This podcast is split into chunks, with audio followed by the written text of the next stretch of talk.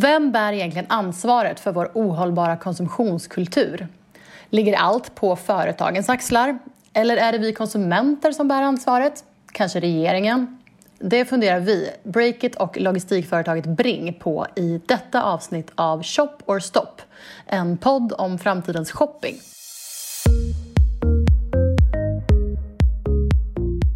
Är experten på konsumtionskultur som krast konstaterar hur vi människor beter oss och vad som verkligen skulle krävas för förändring. Katarina Graffman är gäst i veckans avsnitt av Shop or Stop. Hej! Hej, vad eh, roligt att du är med oss. Vi ska ju prata om eh, konsumtionskultur och shoppingbeteende. Och Det är ju någonting som du har skrivit böcker om eh, och som du föreläser om. Kan du förklara hur har vi hamnat där vi är nu med så mycket högre konsumtion än tidigare generationer? Ja, den moderna konsumtionskulturen tog ju rejäl fart efter andra världskriget.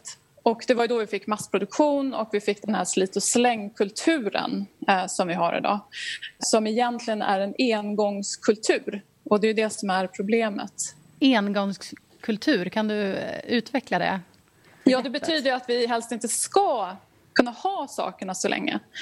Ah. Att vi ska vara tvungna att köpa någonting nytt hela tiden. Eh, och det är också många som har producerat utifrån att saker och ting inte ska hålla så länge så att vi faktiskt också måste köpa nytt. Eh, samtidigt ah. också som vi drivs på utav um, hela marknadslogiken då att vi hela tiden ska vilja ha nya saker för att utveckla vår identitet.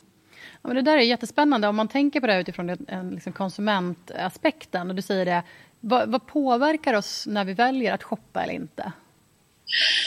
Framförallt så handlar det om att vi vill uttrycka vilka vi är konsumtionen handlar ju om att vi skapar vår identitet. Och det handlar ju alltså inte bara om kläder utan när man ska förstå konsumtionskultur så ska man förstå hela samhället, hur hela samhället är uppbyggt. Så att det är inte bara det vi eh, shoppar för att sätta på kroppen utan det är mycket, mycket vidare och bredare än så. Hur, hur kan vi själva liksom syna det här beteendet hos oss själva? Att vi kanske shoppar för att eh, ja, men för status eller för, att, eh, för vår identitet och sådana saker. Kan jag syna mitt eget beteende då? Ja, och, och det handlar om insikt såklart. Det handlar om mm. att förstå systemet. Och, eh, när jag och eh, Jakob Östberg som är professor i reklam och PR, vi skrev i boken Vi är vad vi köper för två år sedan. Det som vi ville göra var ju faktiskt förklara konsumtionskulturens hela logik. Eh, för förstår man just det grundläggande, de drivkrafterna som påverkar oss i det moderna samhället så har vi också lättare att se igenom varför vi gör som vi gör. Och utifrån mm. det perspektivet kan man också börja förhålla sig till sina egna beteenden på ett annat sätt. Allas våra beteenden har ju förändrats ganska radikalt den här, den här våren. Så. Hur skulle du säga att coronakrisen har påverkat vårt konsumtionsbeteende? För vissa människor har nog inneburit en form av reflektion. Hur lever jag mitt liv egentligen? Ja. Och för andra grupper så finns de bara längtar och står snart inte ut bara för att få springa ut till, till eh, någon stor galleria och med sina kompisar och göra det som de brukar göra, nämligen umgås, kolla vad som finns att köpa, kanske köpa något och så vidare. Så att, mm. alltså du har ju hela spannet däremellan människor som kommer att agera på olika sätt.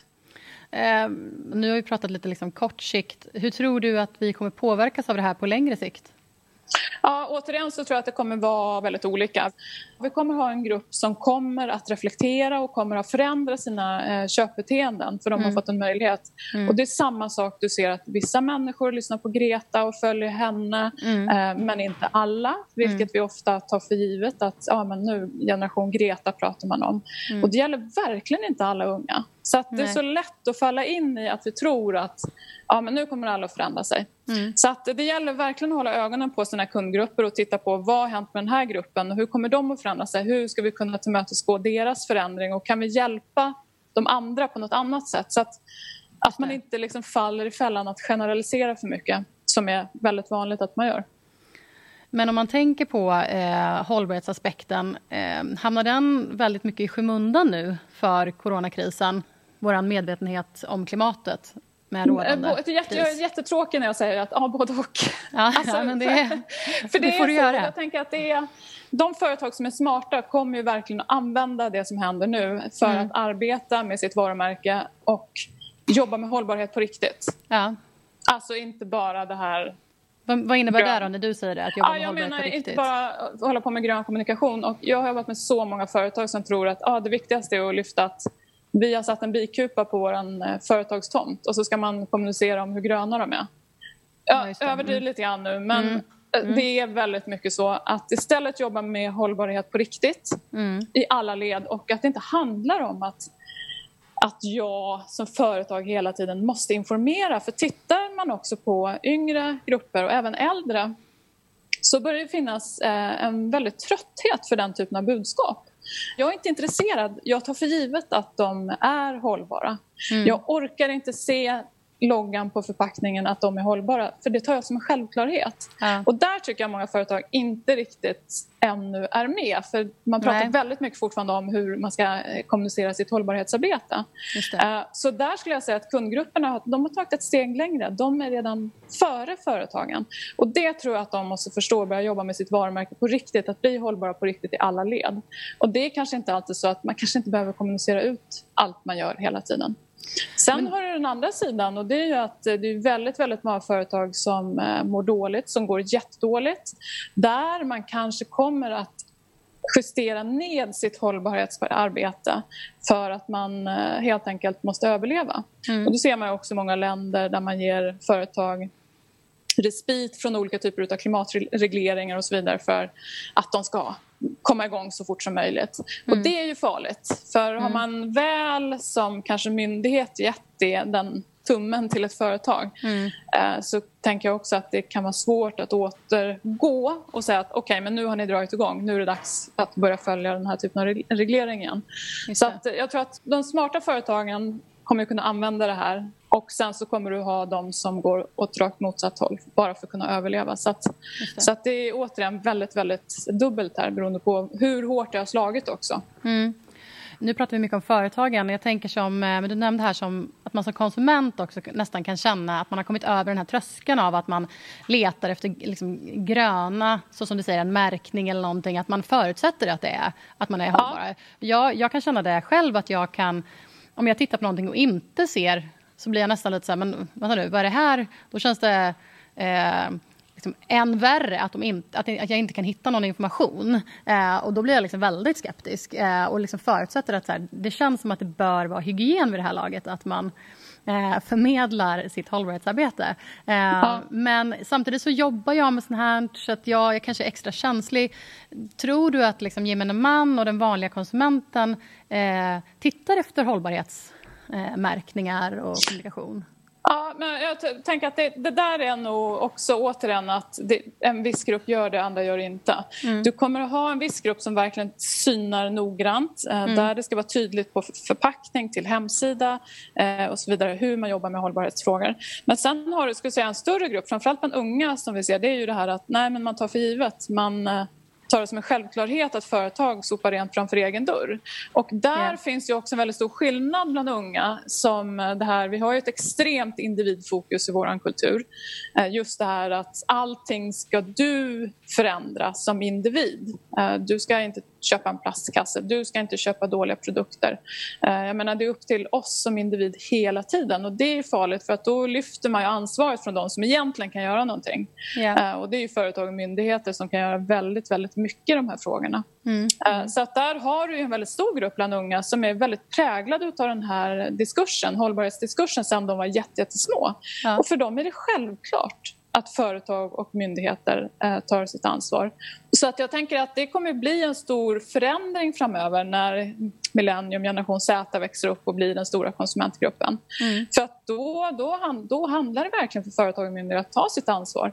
Både titta generationsmässigt och titta på olika kundgrupper. Vad är deras drivkraft? Det blir ju väldigt viktigt i en sån här situation. Mm. Eh, för att pandemin har ju också gett oss en liten ny kartbild för många företag att faktiskt fundera på okay, hur, ska, hur ska jag kunna använda det här på bästa sätt. Yeah. Och då måste man vara noggrann och göra sin analys om vad som har hänt i sina kundgrupper. För det kan ju också vara så att företag har väldigt olika typer av kundgrupper som kommer kräva olika typer av ansatser från företagen. Mm. Jag förstår vad du menar med att det är ju, ansvaret ligger hos företagen och hos, hos myndigheter. Så. Men om man ändå som konsument inser att man har ett osunt shoppingmönster eh, och kanske man konsumerar för mycket eller konsumerar och eh, ångrar sig eller känner ångest över att man har överkonsumerat eller att man inte har tänkt igenom sin shopping och så vidare och man skickar tillbaka väldigt mycket saker och så. Vad tycker du man ska ta för steg, såväl liksom praktiska som även kanske mentala till att komma till ett, en sundare och smartare shopping? Ja, alltså jag får vara jättetråkig där för jag säger så här, okej okay, det finns hur mycket information som helst hur vi ska göra. Ja. Eh, det finns så, så mycket information, tips och knep kring hur man kan bli en mer hållbar konsument idag. Mm. Så jag tror nästan alla vet om det. Eh, det här med att man behöver inte köpa så mycket grejer. Du kanske kan reparera, köpa bättre kvalitet, köpa second hand. Och det finns jättebra second hand idag, eh, även på nätet. Poängen är ju att jag tror att alla vet detta. Vad får oss att liksom faktiskt börja agera ja, det, det på det handlar, sättet? det handlar väldigt, väldigt mycket om vad flocken, vad kontexten gör också. Mm. Uh, och om nu konsumtion är det starkaste medlet vi har för vårt, att skapa vår identitet. Mm. Om det är där liksom skon klämmer och mm. det här att vissa har ju ett otroligt driv efter att hela tiden köpa saker, andra har det inte alls för att det inte, de kanske har en större livstrygghet och finner meningsfullhet i andra saker i livet. Uh, så då handlar det väldigt mycket tänker jag. Uh, nu låter jag som någon jätteflummig antroposof typ. Men det handlar om att hitta mening. Vad ger mig mening i tillvaron? Och mm. Det finns ju forskning som visar att det är ju tyvärr inte konsumtion att köpa mer prylar utan det är ju när man hittar meningsfulla aktiviteter.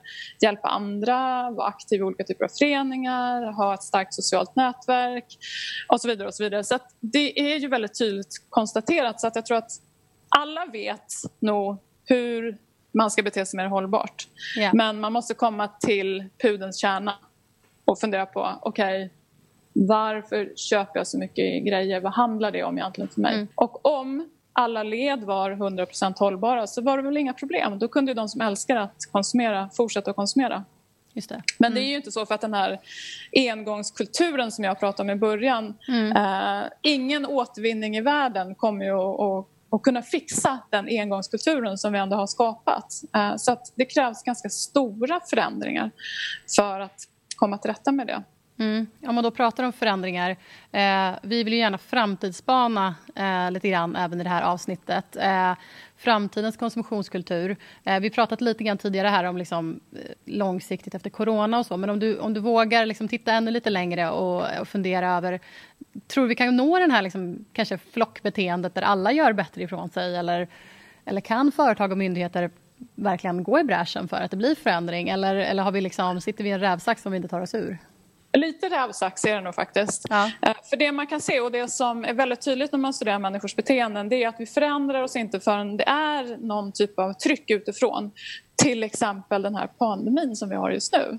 Och det ser man om man tittar historiskt att när har människor förändrat sig? Jo, det kan vara att de har varit eh, utsatta för hot från ett, ett annat land. Det kan vara mm. en, någon typ av klimat mm, kollaps, någonting som har hänt som gör att människor förändrar sig. Mm. Så att jag tror så här, hade vi väldigt lång tid på oss ja. för att fixa det här med koldioxiden mm. eh, så ja, då tror jag att, för det är väldigt många, framförallt företag kan göra väldigt mycket som har väldigt goda intentioner mm. att göra sina, sin produktion och sina produkter mer hållbara. Mm. Men eftersom vi har ganska kort tid på oss så, mm. så tror jag inte att vi kommer greja det. Faktiskt. Jag tror att det kommer bli så att vi kommer känna av att jäklar vad varmt det blev, vad obehagligt det blev. Eh, vill vi verkligen ha det så här? Eh, så att jag tror att det kommer behövas till att någonting i vårt klimat kommer att förändras för att få oss att verkligen inse att alltså, vi är inte på rätt väg, vi måste ta i mycket, mycket hårdare. Mm. Men att förändra människors beteenden är ju en ganska trögrörlig process. Mm. Så nu måste jag säga att konsumtionskulturen är ett ganska nytt fenomen. Eh, mm. Den är inte alls gammal. Så att eh, det är självklart att man kan förändra att vi går från att det är konsumtion som är det som skapar oss som människor till någonting annat. Eh, men det tar det ju längre tid.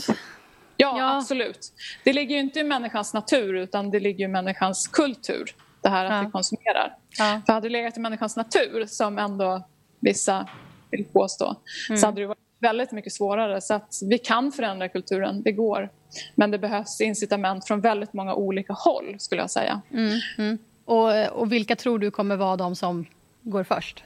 Jag skulle hoppas att det var myndigheter faktiskt mm, som mm. inför olika typer av regleringar för då går det snabbast. Så mm, är det. Mm. Sen är det också så att när människor förändrar sina beteenden frivilligt så är det också mer troligt att man behåller den typen av beteende. För då ah, okay. gör man det utifrån en positiv vilja helt enkelt.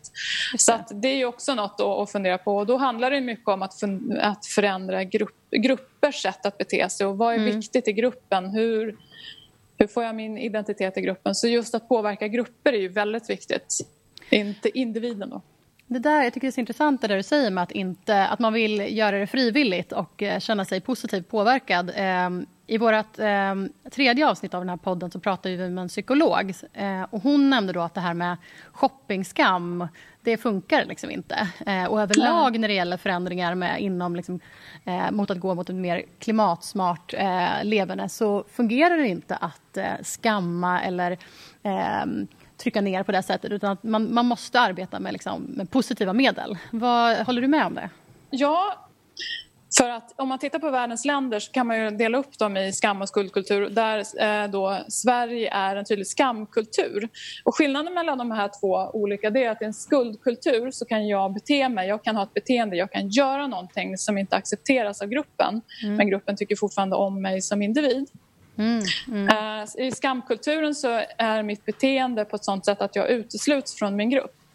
Alla som har barn så mm. vet väl basic barnuppfostran det är att när ett barn gör någonting fel så ska du inte uh, skambelägga barnet utan du ska säga till barnet att barnet har gjort en handling som inte är okej. Okay. Jag tror mm. att alla som har barn vet det. Uh, och det är precis samma sak som händer i en skamkultur att människor stöts ut. Och det ser man ju till exempel väldigt tydligt i olika influencers eh, kommentarsfält.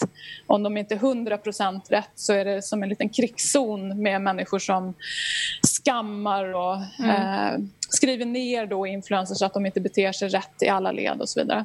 Och det är ju en väldigt, väldigt tydlig effekt av att vi riktar oss på individen istället för att titta på ja, men hur förändrar man ett gruppbeteende istället för att hela, hela tiden rikta sig på individen och vad individen har för ansvar. Mm, mm, eller Vi vill ju inspirera de som lyssnar på den här podden att, eh, att eh, liksom försöka vända sitt beteende eh, åt ett mer klimatsmart sätt. Vad skulle du vilja, liksom, vad kan du komma med för avslutningsord?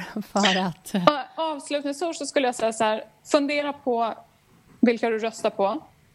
Fundera på, kan du vara med i någon förening som jobbar eh, ur ett mer övergripande perspektiv kring hållbar konsumtion och så vidare. Kan mm. man vara med i en naturskyddsförening? Kan man vara med någonstans där man kan påverka? För genom att ansluta sig, att vara del av en rörelse om man säger så, så kan mm. du påverka på ett sätt som du kanske inte, som du lätt kan känna misströstan när du bara är individ och tänker att ah, men nu har jag varit duktig för nu har jag handlat eh, mina nya skor på second hand. Mm. Eh, det är självklart du ska göra de sakerna också men jag tänker att tänk lite, tänk i ett större perspektiv. Vad kan du göra som kan påverka eh, på en annan nivå? Det skulle ja. jag säga är ett tips som jag skulle vilja att fler faktiskt engagerar sig i. Jättebra. Tack så hemskt mycket, Katarina Graffman, för att du var med i Shop or Stop, en podd om framtidens shopping. Tack så jättemycket, Katarina, för att du var med. Tack så jättemycket. Du har lyssnat på Shop or Stop, en podd om framtidens shopping som vi på Breakit gör tillsammans med logistikföretaget Bring som siktar på att vara helt fossilfria 2025. Eh, gå in i din poddapp och prenumerera på Shop or Stop så missar du inga avsnitt. Jag heter Karin Dorade. Vi hörs!